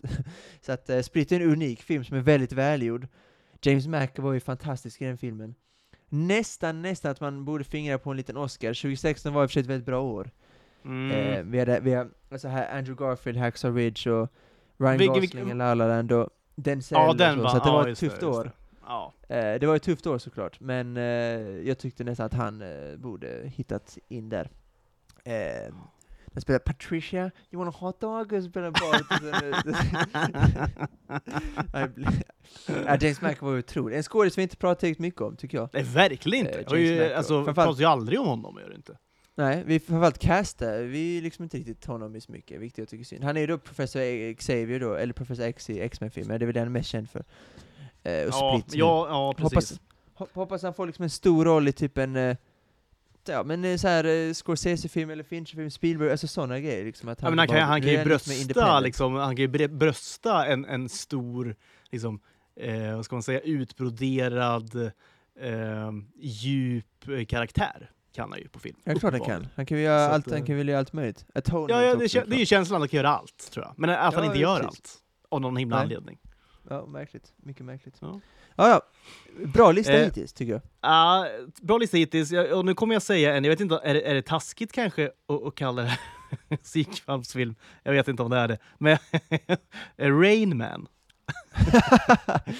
Eh, ja, det är ju... Ja, Det, det, Ja. det kanske inte är helt PK, men vi är inte så PK i ringen, så det är väl okej. det, det är väl okej då, helt enkelt. det är väl ändå, Det, ja, men du vet, alla fall, kan man räkna liksom tändstickorna i en ask och så vidare, det är väl, det är väl psykfall. ja, är du, väl. du behöver. Alltså kanske, kanske i en positiv bemärkelse, men Ja, ja, ändå psykfall. Du ju. behöver inte förklara dig. Men det är inte så PK, men du behöver inte förklara, alla vet vad du menar. alla vet vad du menar. Skrattet sa allt, så att säga. Ja, men. Ja. Ja. ja, Nej, men det, det, är Men- en himla, det är en himla härlig film tycker Absolut. jag. Alltså en, en ung, den här unga, liksom sent 80-tals Tom Cruise ja, liksom, fin är, ja. är ju otroligt ja, härlig alltså. Ja, ja, verkligen. Då, Och man, ja, man älskar också Las Vegas-filmer, alltså gamblingfilmer är ju så himla härligt. framförallt tycker jag det är mysigt med Tom Cruise att, att bara liksom sätta sig in då på Tom Cruise under 80-talet och kanske även 90-talet och att veta hur många år han har framför sig och att försöka föreställa sig ett 80-tal där Tom Cruise fortfarande är ung och han fortfarande har liksom en 30 år till. Nu är det lite sorgligare, han, han är inte på väg att dö, för, tvärtom, han känns ju alltså, superung fortfarande trots att han är så gammal. Tom Cruise kommer bli så här, han kommer bli som 200 år gammal. Ja men det känns så. Men det är fortfarande, han är ju lite äldre än vad han eh, var då så att säga. Så att, eh, lite, det är alltid melankoliskt med sådana typer. Michael Caine nu som vi ändå kan tända ett litet ljus för, ska ha sagt att typ att han har slutat skådespela, vilket såklart är hur tråkigt som helst. Fantastisk eh, skådis, Mm. givetvis. Eh, för Ja. evigt min Alfred. Men är ju fett gammal liksom. Ja, är hur, ja men- men för mig är det, liksom, det är evigt Ja. min Alfred liksom. Eh, hur tråkigt som helst att han ska sluta, men det är klart att det kommer hända någon gång, och det kommer hända med Tom Cruise också, därför är det så fint att föreställa sig en Tom Cruise då, för, för väldigt många år sedan då, med hela Hollywood framför sig. Därför är det extra mysigt att se honom i Rain Man, Cocktail, f- för all del även Ice Wide Shut och sånt. Ja, Alltså- cocktail, himla dunderfilm det är då. Blir det väl 80-tal? Cocktail? nej, jag tror inte det. Alltså. Ja, nej, det, nej, det är he helt Det är omöjligt. möjligtvis, Det är möjligtvis neon, Roadhouse? Det är de här liksom, vackra blonda kvinnorna Ja. i de här små, små baddräkterna. Ja. Små röda baddräkterna också, Ja. såklart ska det ju vara. Ja. Jamaica och så vidare. Ja, vilken himla härlig film Ja, det det är. det. Och det är Ja. Rain Man också, väldigt härlig. Exakt, och, vi, och såklart, eh, vi kan inte bara nämna Tom Cruise, måste nämna Dustin Ja, Hoffman också. Eh, det är ju någonting, det har ju någonting med en skådis som kan då spela den här, eh, ja, Rain Man-gubben då. Eh, och som kan spela då i typ såhär Meet, eh, meet the Fockers och så vidare. Ja. Alltså den här Ja. eh, uppföraren till en, så här, eh, en totalt då, eh, totalt, eh, en film då utan verkshöjd eh, överhuvudtaget. Nej, liksom. Eh, Men eh, jag är jag gissar att din pappa är så här tidig 60-talist, typ. Eller sen 50-talist möjligtvis. Ja, Ja, precis. 60 är han ja. född. Det är, min pappa är född 70. Det är, det är väl, Dustin Hoffman är en väldigt pappig skådespelare. Det, det, det finns ju ingen pappa i världen som inte gillar Dustin Hoffman, känns det som. Möjligtvis nya papporna nu, så här, möjligtvis 90-talistpapporna nu då, men är du född 1970 eller tidigare så älskar ju alla. Dustin, om du frågar liksom någon, vem är din favoritskådis, så är väl, ja, sju eller sex av tio är ju Dustin Hoffman. Alltså garanterat. det, så- det, så är det ju. Alltså All the President's Men, en pappig film, du vet sådana grejer. Eh, så att, ja men Dustin Hoffman, men han är ju briljant såklart. Kramer vs Kramer och eh, Das, eh, vad heter den? The Graduate och ja, men det, hur mycket som helst. Det, det är kul, alltså, nu, min farsa är kanske ingen så här movie buff. Alltså, så här, han kollar mest på vad min mamma kollar på. Ja. Men på samma sätt som kanske då många skulle säga att Dustin Hoffman är favoritskådespelaren, vem är liksom favoritfotbollsspelaren? Så här, sex- 60-talister och 50-talister bollar upp. Är, är det, är det Eh, In, Maradona inklusive... Nej, nej, det är det inte. Absolut inte. Inklusive min farsa. Aha, är, Tänk då liksom svenska då, liksom. Eh, 50 och 60 ah, är, är det Torbjörn Nilsson? Eh, ja, det, oh, det är det om man säger svensk. Men om man tänker en Ja. utländsk då. Ja, utländskt då? George Best. Ja, såklart. George Best. Britt, må, Britt måste han vara såklart. Ja, ja, verkligen. verkligen. Li- Tips extra allt. Shearer, ja. Ja, men där har vi den. Lilla, lilla liksom eh, film, alltså psykfalmsfilmtipsen. Inspirerad då av Brian Harmon, vilket är kul att han får vara med Ja, i Tuttoringen. framförallt Det Brian. Harmon. eh, nej, Att Brian Harmon skulle spela en stor roll i Tuttoringen. Otroligt. Och förmodligen nämner vi honom aldrig igen. Förhoppningsvis i alla fall. Förhoppningsvis är han inte aktuell. förhoppningsvis inom- inte. Nej, han får gärna liksom eh, dra sig Byggas- tillbaka i sin... Eh, Liv, i kanske? sin eh, nej, han är ju väldigt liv-inkompatibel, är han inte det? Tror han är för schysst liksom. Men det, jag tror han är en jag tror grunden är en ganska bra människa, Brian Harmon. Jo, det är det som, inte ja, att, det är det som problemet. Han är, för, han är liksom familjefar. Det är liksom inte Kepke Ja, eller men det, är- Bryson. alltså, Patrick Cantley såklart, det, det är ju liv i princip. Alltså, så ja, här, det, det, är- det, det lär ju hända snart. det kommer, kommer ju såklart hända, Ja, 100 procent. Ja. Ja. Verkligen. Förmodligen nu. Shuffle och Sander också. Shuffle. Det är många amerikaner nu Ja. och Sam Burns lär ju också joina den såklart. Vi får se. Ja. Till och med Max Homa kommer väl, kommer väl hamna där Ja. till slut. Är Nästan, alltså näst, nästan alla amerikaner, typ utom JT och Spieth, typ. Det är nästan bara de Ja, två. de är såklart. Ja, verkligen. Ja. verkligen. I varje fall, eh, vi pratade om eh, Robert De Niro då, som någon skrev sen på Patreon också, kanske hade mer Mass Singer-aura än Let's Dance. Eller om det var tvärtom, jag minns inte exakt. Mm. Därför tog jag mig friheten då att eh, avsluta den här veckans avsnitt med att eh, ha ett eget litet Let's Dance, som heter då Maltes Let's Dance då. Det är också titeln på programmet, inte Let's Dance, utan Maltes Let's Dance, eventuellt Maltes Dancing with the Stars. Ehm, Ja, Det får vara någon Mm. slags exe- exekutiv president, typ, eller vad, vad fan jag får tydlig, tydligt ändå vad vi har att göra med. Det är ju bra, jag. Ja, Alltså när en titel är, är, är tydlig då. Ett Ja. program är tydligt. verkligen. Och det är ett tydligt program. Som, Format som min favorit då. Bonde söker fru. är Übertydligt såklart. Ja, verkligen. Eh, Ja. Verkligen. Stjärnor på slottet. Det är också tydligt. Ja. Ja. Är de stjärnor dock? Det är väl en fråga. Men, Det, ehm, där kan man ja, Ja, fundera ett varv över. Ja, Exakt. Men det här är i alla fall en, någon slags, och nu har jag inte liksom drömt, utan det här är en casting som jag hade känt var rimlig, för det är jag som har castat detta då. Och jag har såklart inte ringt till Daniel Day-Lewis till exempel. Han, eh, jag, han, var, han var liksom inte aktuell i min bok. Eh, Nej, han är svår att hitta också tror jag. Liksom, Ja, för svår att det är- track så- down. exakt. Svårt att, exakt. Han är kanske i, Sy, han är kanske i Sydafrika nu och, och håller Är det på med också- något sol där. Det hade varit en kul liksom, eh, programidé tycker jag. Alltså att hitta, Hitta då, Daniel Day-Lewis, ja det har hitta det, det, det är en person som man inte hittar på sex steg är ju känslan. Det krävs Nej, betydligt nej, fler exakt. steg än så. Exakt, det varit Enda människan i världen som kräver fler än sex steg för att Exakt, liksom, Filip komma. och Fredrik, Filip och Fredrik då, de gör den här säsong tre då, av Jorden runt på sex steg. Det var, de gjorde det väl 2015, 2016, så åtta år senare kom säsong tre.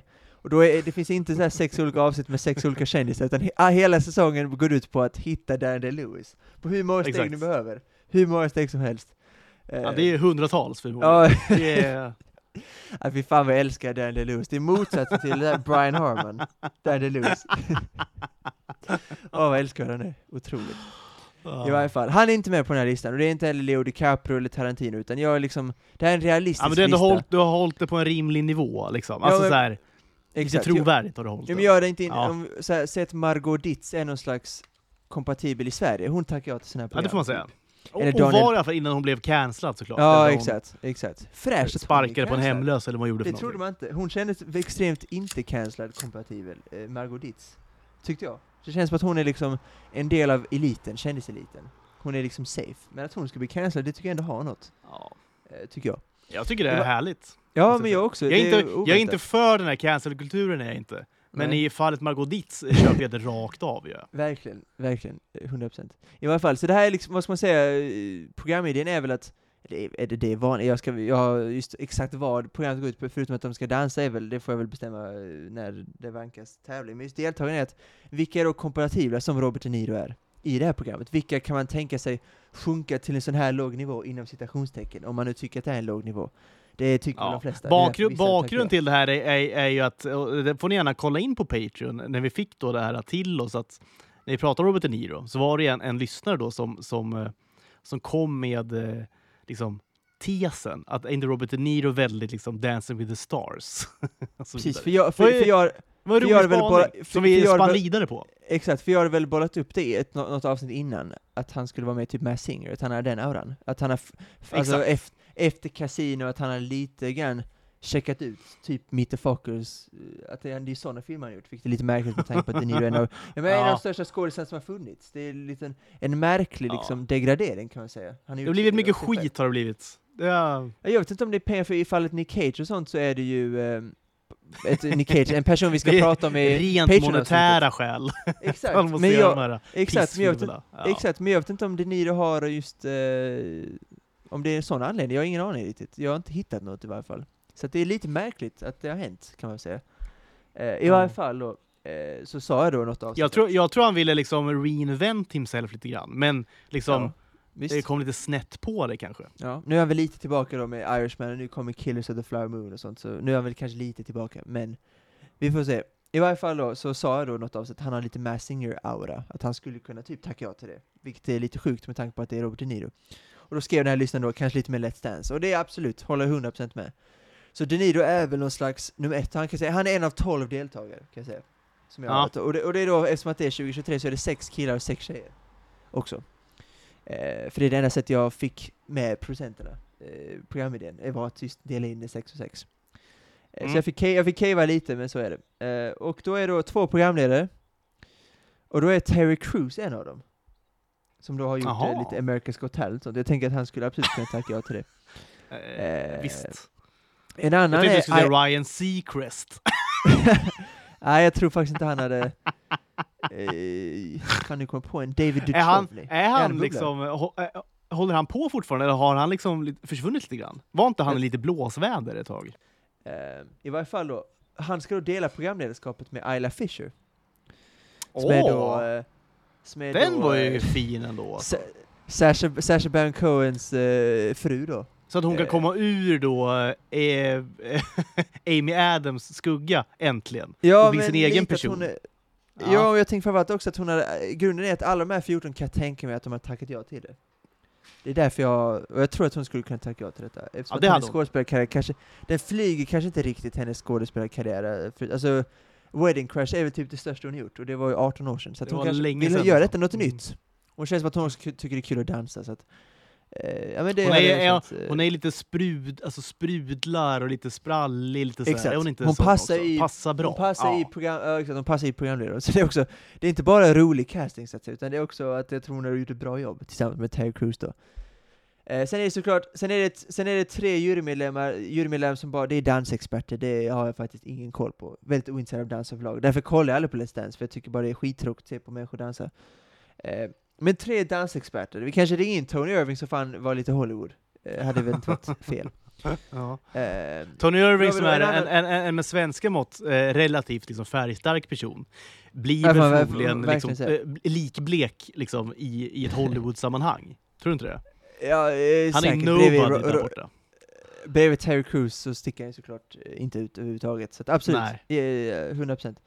Den enda jag är lite tveksam till på den här, av de här deltagarna är då första kvinnliga deltagaren, som tyvärr fick lite av en revival förra året, eh, med då Everything Ever All At Once, Jamie Lee Mm. Curtis, Mm, mm. som jag känner att hon hade absolut kunnat tacka ja till för hon hade tyckt det var kul, men nu känns det som att hon är lite för stor eh, efter Oscarsvinsten då. Ja, det blev ju det och så var det Eh. Knives Out, och så, alltså hon fick ju en Ja, exakt. revival på något sätt. Exakt, och det var lite Ja. synd, för annars hade hon haft supermycket den här auran tycker jag, ta- tack vare Ja. sånt här program. Barnskändis, alltså, eller barn, men så här, hon var ju känd på åt- 70-80-talet med Halloween och sen Fish Called Wanda och så, så att... eh, Ja, men nu är hon lite tillbaka, vilket är såklart supertråkigt för min casting. Hon har förmodligen kanske, hon har inte kanske tackat ja, tror jag. Eh, en Kanske som inte, kanske ja. behöver en som kanske behöver söka ett nytt jobb då efter den här eh, talkshow-grejen är Drew Barrymore. Eh, som jag också tror hade kunnat tacka ja till detta. Eh, ingen skådespelarkarriär som kanske flyger överhuvudtaget. Det var länge sedan, Show, länge sedan den ja. flög. Ja, Ver verkligen. Hon är också lite, så lite sprallig och jag tyckte det var kul. Drew Barrymore är nog en eh, väldigt, ett safe bet hade varit för mig. Att ringa in henne. mm, mm. också, väldigt många som, också väldigt många som tycker om henne, så det hade nog genererat lite tittarsiffror tror jag. Eh, vilket jag tänker på då som exekutiv president. Och producent. Eh, så att, ja. Sen har vi då en eh, kille nummer två då, som är... ah, Ja, det jag har kanske inte en sån superrelation till honom, jag är lite för gammal, men däremot borde du ha en ganska stark relation till honom, tror jag. Freddie Prince Jr. ja, Han absolut. är ju såklart helt, sen, sen då, eh, vad fan är det, Scooby-Doo, så har han ju nästan helt försvunnit. ja, och den här- vad heter den här, eh, ja. Vad heter den här romcomen som är så stor? Eh, som var, She's all eh, han that, eh, till Exakt. exempel. Ja, eh, början, början på 00-talet var han väl Ja. ganska het, får man väl säga. han var ju, alltså han var, Eh. han var skållhet var han. Exakt. Alltså, han det är Eh. kul att du nämner, alltså, det är en person jag inte har tänkt på på 20 år. det är ju otroligt. det, ja, verkligen, för nu, ja exakt, och därför tänkte jag att nu är han ju helt inaktuell igen, men han nämns fortfarande i media, han är fortfarande liksom en, någon man, nu säger du att du inte har pratat, tänkt på honom på 20 år, men han är fortfarande relevant, med tanke på att de grejerna han var med i lever kvar. Det är, ja, men eh, I know what you did last summer, alltså, så här, det är väldigt, Ja, väldigt klassiska liksom, filmer han har- varit med i. Och det är också Eh, en sån här- exakt. Det eh, känns ju också som ett bra val i och med att han har väl ingenting emot lite rampljus igen, tror jag inte. Nej, tvärtom, jag tror kanske han saknade det. Eh, Ja. Helt enkelt. Så det tror jag att hade varit ett kul casting då, lite blast from the past och så. eh, och Han hade nog tyckt det var kul. Anledningen till att det inte har flugit vet jag inte. Ibland är det som typ Rachel McAdams, att man vill ha med med familjen och så. Chris Evans har väl sagt liknande. Eh, I hans fall kan, eh, förmodligen för att han är kanske ingen superskådis helt enkelt. Eh, ofta, ofta är det ju så tyvärr. Men det är ju så himla fint också att, att eh, jag måste bara säga det, han, han är väl fortfarande tror jag gift med alltså en annan då 90-talsstjärna som också bara försvunnit nu. Alltså Sarah Michelle Gellar. Ah. Alltså Bu- Buffy. Vampire Slayer och, och det här. Och också, eh, också såklart I know what you did last summer. Det är ju, vilket himla par alltså. Vilket power couple det var på liksom 90-tal, tidigt 2000-tal. Sick ju! Du vet, du vet ibland när de ska dansa då till en person, speciell person, så sitter hon där i publiken. Det är Ja, en ja. otrolig, det är sån, det är V- nostalgifest, det här är Nej, Maltes Let's Dance, det är helt otroligt. Magiskt ju. Eh, ja, magiskt. Magiskt tv-program. Det här är Alltså, TV4, faktiskt. det, det, ring, ring mig TV4. Du- Jag, vi får göra något liknande med svenska kändisar då kanske. Med av rampljus. ja. ja. En annan, en annan skådis som har försvunnit på grund av ja, diverse olika anledningar är då också förmodligen på grund av, och hon var också ganska aktuell liknande tid som Freddie Prinze Jr också. Början på 2000-talet. Och sent 90-tal. Lindsay Lohan.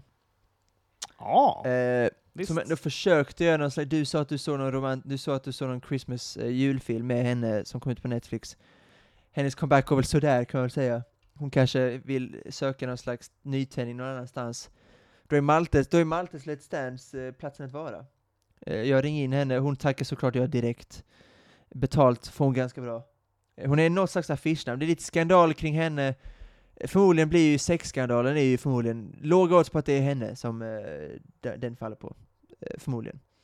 Med någon slags dansare då. Låga odds. Låga odds. Ehm, låga odds på att den här killen kommer gå till final. Eh, och här hade jag ganska många alternativ, men jag valde den här personen, och så Adam Sandlers kompisar. Chris Rock är lite för stor, Mm. eh, Adam Sandler själv var också för stor. Eh, skulle kunna göra för att han verkar vara en så jävla härlig familjefar, så typ att han skulle tacka för sina kompisar, eller för sina barn. Men det kändes som att det stod lite mellan David Spade, Rob Schneider, men det föll till slut på Kevin James.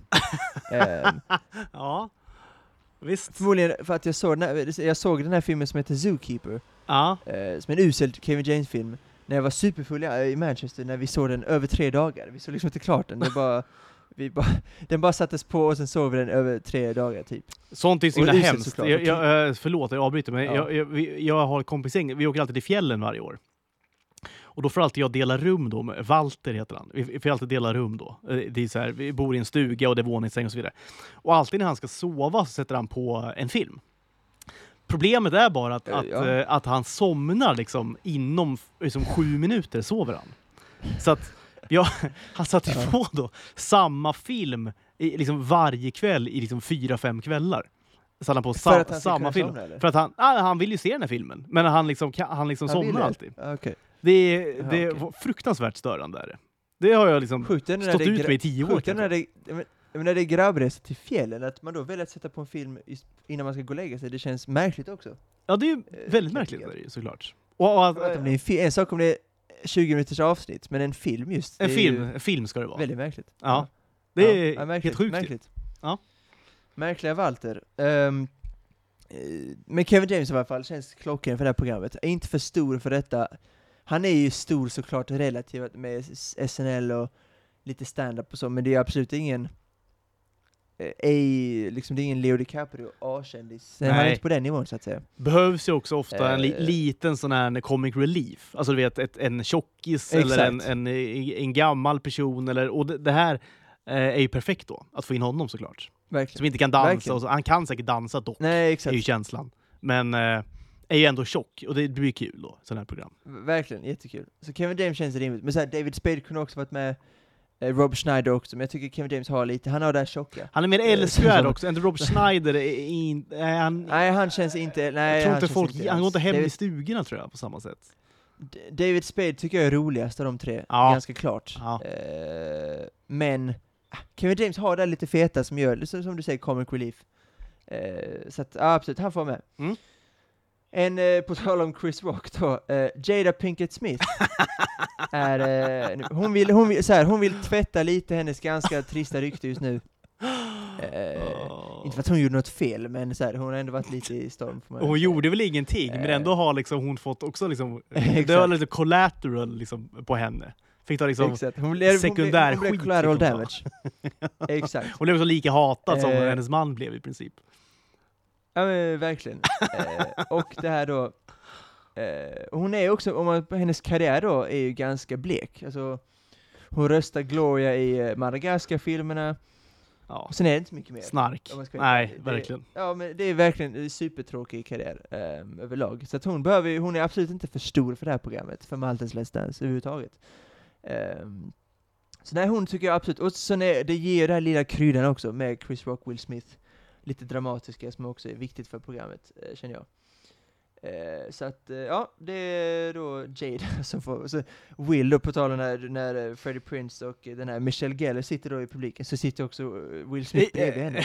De ska, de ska, de, David Hellenius, David Hellenius då som är Terry Crews ska liksom gå fram och intervjua dem då, när, när de dedikerar den här dansen till dem då.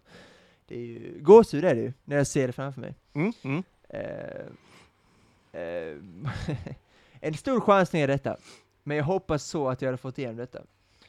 Det är då Nick Nolte, Ooh. eh, som, som är, eh, nu var han ju med i det här Warrior, det här Warrior, det är ju mär- märkligt, med Tom Hardy då, och eh, Joel Edgerton. Mm. Eh, den här boxar, boxarfilmen från 2011, där han någonstans gjorde en supercomeback, blev också Oscars-nominerad för bästa manliga biroll.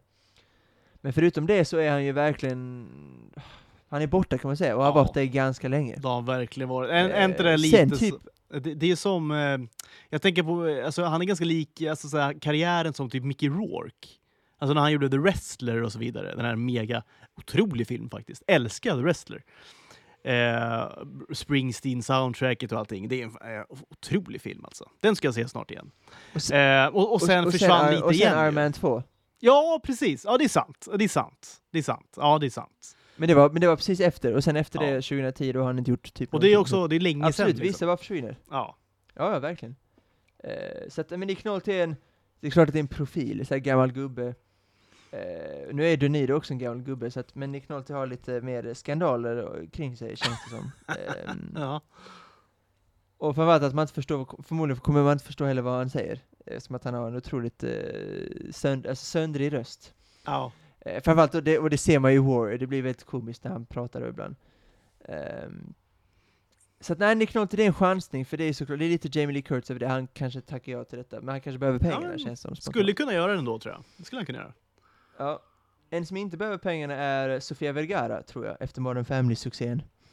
Och också America's Got Talent, där sitter juryn där. Just det. Hon hade nog tackat ja till det, för att det känns som att hon tackar bara ja till här grejer. Känns som vad som helst, typ.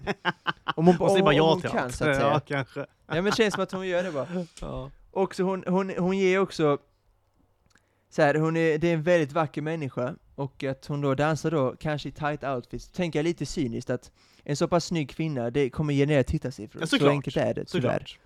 Eh, det kommer, då, då, då jag nu liksom fiskar in gubbarna, gamla gubbarna som ser en, Jo men du måste ju, du måste ju tänka på, kläder. du måste tänka på dina ratings också. Det är viktigt ju. exakt, det, ja, ja det är klart, det är kanske inte det etiskt största beslutet jag har tagit, eller bästa, men det är dock eh, ekonomiskt, hon Ja. är väldigt bra för mig, eh, eh, Sofia Vergara då. Och hon är en så här härlig människa, hon kommer också att vara bra i TV. Det är liksom inte bara för ögat så att säga, utan hon kommer göra det bra i det här formatet, jag är helt övertygad om. Eh, en, som inte, en som också kommer göra det väldigt bra tror jag i det här TV-formatet är Nicolas Cage. som jag, eh, återigen, endast, och det, det här programmet måste göras väldigt snabbt, för att han är lite på väg att göra en comeback. Ja det är han verkligen alltså. För eh, garantera lite som Jamie Lee Curtis, för om detta var 2018 så hade han 100% tackat ja, för att han behöver stålarna helt enkelt. Och att han ser det som en ny utmaning att dansa, han tycker nog det är lite kul. Men med Amber Bellway to Master Talent, den här Pig-filmen som kom ut, um, nu Renfield, Dracula-filmen, och nu kommer nya lite A24-filmen, den här Dream Scenario-filmen som kom ut. Han är lite på väg tillbaka, tyvärr, uh, Nick Cage. Så att, uh, ja, det är lite synd. Men jag tror ändå att han eventuellt skulle kunna tacka ja, för att han vet som sagt, det kan gå fort utför med hans ekonomiska problem, så att säga. Så att, eh, lite chansning, men han tror jag absolut, han har ju den här auran att ställa upp i sånt här program. Ja det tror jag. Vi ska också bolla upp att eh, på Patreon-avsnitt som släpps samma dag då på Patreon, så kommer jag att snacka lite i Nick Cage. Kommer vi är ganska vi mycket Nick innan, Cage Men vi vi fick en för... Ja, vi fick en förfrågan av en lista. Vi pratade om honom för väldigt länge sedan eh, i den här podden, men nu kommer lite mer konkret Nick Cage-lista helt enkelt. Så ni får lyssna på på Patreon om ni eh, vill det. Eh, I varje fall då, Nick Cage, med då i Maltes Let's Dance. Gåshud såklart. Eh, att, om han hade varit med. Sista kvinnliga deltagaren, Jenna Fisher. Från The Ah, Office då. Okej. Eh, alltså why not? Eh, ja, men lite så, dels trött skådiskarriär såklart, eh, efter då The Office. Hon har inte varit med så mycket, om vi ska vara helt ärliga, eller eh, så är det bara. Hon är inte direkt den, den roligaste i The Office heller. Nej, hon är då Pam i The Office, alltså Jims då, int- alltså Ja. intresse. Såklart ikonisk karaktär, så hon klarar väl sig på det. Eh, men utöver det har hon inte varit med så mycket. Ganska så här. På engelska finns det ord som är väldigt bra, som jag tycker förklarar henne, beskriver hennes skådis, skådisegenskaper ganska bra, är då bland. Hon är ganska bland skådis tycker jag. ja det är hon. Eh, Och, Inte dålig på något sätt, men det är inte, det är inte så mycket, hon ger inte så mycket till nej, en roll. hon är lite, tönt, lite töntig kanske. Alltså så här, hon, hon Eh, har exakt. ju, ehm, och det säger väl ganska mycket tror jag, men hon har ju en podd tillsammans med hon som spelar Angela i The Office. Jag minns inte vad hon heter. Eh, men de har en podd tillsammans där de, pra- där de pratar om The Office en gång i veckan. Ja. och har haft ganska länge. Spontan- Det är, det, är där, det är där hennes karriär befinner sig just nu, så att säga. Ja, spontant känns det väldigt trött. Därför tror jag hon har tyckt det var väldigt kul. Och, som sagt, som du nämnde, att hon är ganska trist kanske som människa. Eh, dock så kommer hon gå hem i stugorna. Ja, hon är ju, hon är ju verkligen, jo, jo, hon är ju totalt ofarlig, okontroversiell liksom. Exakt. Alltså, ja, Exakt, helt klart. exakt. Det är väl, alltså hon, hon får väl symbolisera hela svenska, eller Kärringarna hade ju, hade ju röstat på henne tror jag mycket. Exakt. Så. Och det är därför jag tycker den här listan är väldigt briljant, som jag ska avsluta nu med att säga Toodaloo motherfuckers! Okej. För det är, då, det, är då Ken, det är då Ken Jeong som är med Oj, i oj, eh, oj. sista då. Eh, han kommer vara lite galen i gänget, som alltid behövs såklart. Ehm, och kanske den roligaste människan också i den här... Ja, det måste han ju vara. Ja, men som kan Eh, flippa James- lite, göra lite flippade grejer. Eh, Ja, men lite, ja, Oberäkneliga och så exakt. vidare. exakt, exakt. Så att han behövs, tycker jag, i det här programmet. Väldigt rolig, inte för stor alls, vilket är såklart det viktigaste. Så att, men Ken Jeong är min sista position, och det är därför jag tycker att eh, den här listan är så bra. För att det är väl, jag försöker ringa in liksom alla olika eh, med alla olika karaktärer, alltså arketyp som ska vara med i Let's Dance Vi har den här Comic Relief fe- f- eh, tjockisen Kevin James, Comic Relief oberäkneliga då Ken Jeong, Ja. stugorna Jenna Fisher, Nick Nolte liksom Blast from the Past som är gamla gubben som ska lära sig dansa, så här uppförsbacken är enorm. Exakt. De Niro likadant ish, men han är lite större Nick Nolte får man säga. Eh, Jamie Lee Curtis också är lite samma. Och sen har vi Freddie Prince då som är nostalgifaktor deluxe. f- från en viss 70-talisterna hade ju älskat Freddie Prinze Jr. Ja, exakt. Ja. Och Lindsay Lohan liknande, hon också ger sexskandal, Lindsay Lohan. Jada Smith, vi har liksom, ja, det finns moln över henne som hon måste städa bort, det är lite drama där. Eh, Vergara, där vi har då attraktionen från gubbarna. Eh, och sen Nick Cage då som är kanske det största namnet, får man säga. Så att jag tycker det är en väldigt bra lista som hade gett väldigt mycket. Och då två säkra programledare. Alla Fisher och Terry Crews som hade gjort det bra. Eh, så är det ju. Ja. Så det var min, eh, mitt Let's Dance. Jag tror, tänker spontant att det är ett program, jag har försökt göra om formatet lite för att göra det mer spännande, just dansformatet. För det är ju såklart programmets stora svaghet, att de ska dansa också, enligt mig i varje fall. Eh, så det får jag fundera på kanske eventuellt. Men överlag så tycker jag att castingen är eh, oklanderlig. Casten Så är ju eh, spot on alltså. Det måste jag säga. Ja, du tycker det? Ja, det tycker Du jag. tycker det? Verkligen Ja, alltså. ja men då, jag är väldigt nöjd. Jag la ner faktiskt ganska mycket eh, tid. Un, Ja. Under bland annat eh, Ryder Cup. Ja, Oj! Eh, Det är en golf... har vi Ja, men det är en, prioritering. ja, man, golf, är en, golf är en fantastisk sport eh, att jobba framför. Är det. Eh, med det sagt så var jag inte så produktiv under Ryder Cup, men detta kunde jag hålla på med eh, när det var typ såhär, när Fitzpatrick och McEnroe var sex upp också stundtals. Då kunde man liksom, när de skulle slut, så kunde man eh, scouta lite, och då hittade jag ganska många bra namn. Så att, eh, bra tv-program. T4 kanske ska köpa upp detta i ett amerikanskt format. Ma- matigt kändes det. Matigt program. Verkligen. Verkligen. Himla lyssnarservice vi bedriver här alltså. Ja, otroligt. Otroligt. Sanslöst. Men vi säger väl så. Vi, eh, ni kan såklart höra oss då eh, nu om ni vill, eller ifall ni lyssnar på det innan. Ni gör ni som ni vill. Men det finns ett avsnitt borta på Patreon nu också. Som ni kan lyssna Mhm. på. Eh, där det blir, eh, på tal om då... Mycket eh, Nick Cage. På tal om Nick Cage blir det mycket Nick Cage. Det blir liksom, eh, återigen då, vi har gjort avsnitt tidigare med, med Nick Cage. Det är ju en, en stor ringen-favorit där. Eh, Ja, men det, han är svår att eh, bli av med. Ja, det är. Men nu har vi liksom gjort ett, ett, inte ett så gräv, men vi har gjort lite mer liksom jobb kring Nick Cage, som ni kommer få höra då, eh, borta på Ja, så. Patreon. Eh, så vill ni det, finns det avsnittet där. Eh, vi tackar väl för oss, för det här avsnittet i alla fall. Ja, vi hörs på fredag helt enkelt, för ni som inte är med på Patreon. Ja. Där vi då, ja, så är det. Där vi kanske pratar lite Wes Anderson eventuellt. Ja, det är känslan att det blir Wes Anderson-tungt, det avsnittet. Han är då Netflix-aktuell och så vidare. Och det är inte fel. Det är inte fel. Nej, det är verkligen inte fel. Eh, ha det så himla bra Malte, ha det så himla bra ni som lyssnar. Vill ni så hörs vi snart igen. Ciao allihopa! Ciao, ciao.